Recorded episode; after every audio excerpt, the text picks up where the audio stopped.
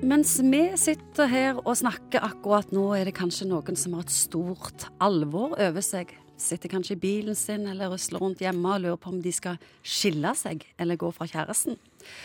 Og det skjer jo stort sett i halvparten av ekteskapene i landet vårt.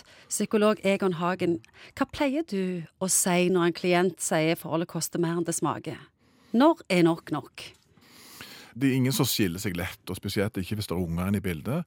Så er dette som regel en lang, lang prosess.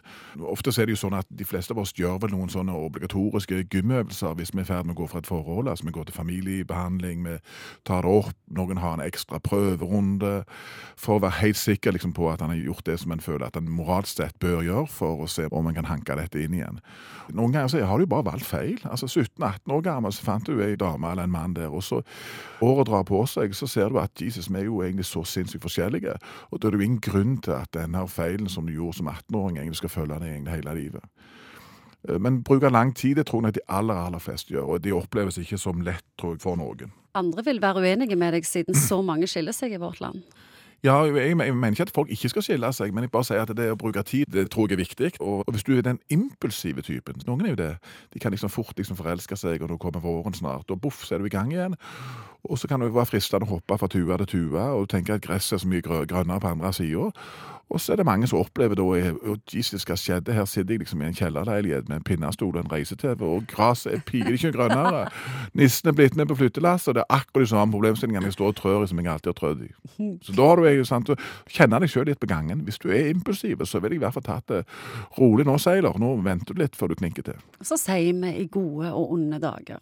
Og skille oss. Er dette utdatert, dette løftet?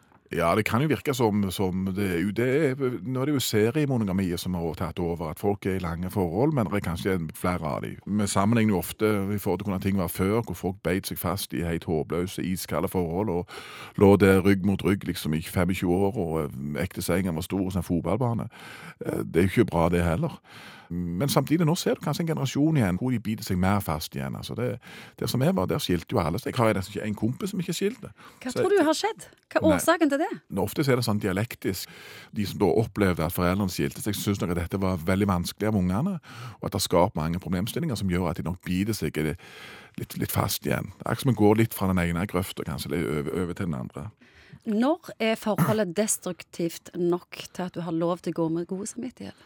Noen ganger så er det jo sånn at hvis du har gått rundt et liv med et stort savn i brystet, og plutselig så treffer du eh, en eller ei der som plutselig treffer akkurat de der greiene, så er det voldsomme ting, egentlig, som nesten uavhengig av hvordan du har hatt det, kan rokke folk ut av selv stabile forhold, faktisk. Og noen ganger så vet du faktisk ikke at det er det du er på jakt etter, før du liksom har det midt i fleisen. Og så kanskje det viktigste spørsmålet. Hvordan fikser en et skikkelig skakkjørt forhold? Vi har ikke nok tid? Vi har ikke nok tid på det. vet du. Det greier ikke. altså. Ja, Det jeg kan sikkert si, er at uh, et triks som noen gjør noen ganger, altså, det er at de slipper seg ned i forholdet. Altså, De har liksom ikke gutsen til å si at Uh, sorry, konemor, dette er ikke bra nok lenger. Og så bare langtidsparkerer du. altså Du du slipper deg i forholdet. Og ut ifra ideen om at hvis jeg bare slipper meg langt nok ned, så er det ikke en dørterskel å gå ut engang fra. Det er liksom helt ned i null. Og den prosessen med å prøve å komme ned mot null, altså hvor begge på en måte resignerer, kan være en ganske stygg prosess. Da sier jeg at det er bedre, og du er mer høy og mørk hvis du tar ansvar for faktisk det du føler, og gjør noe med det, uten å måtte kjøre det helt ned i bånn. Jeg tror ikke, jeg syns ikke at folk gir opp for lett. Jeg syns det sitter veldig langt inne. og De aller fleste har brukt lang lang tid, og det er en livskrise for de aller fleste hvis de kommer i denne type situasjoner. Og folk flest vil nok gjøre alt det de kan, normalt sett, for å få det til å funke.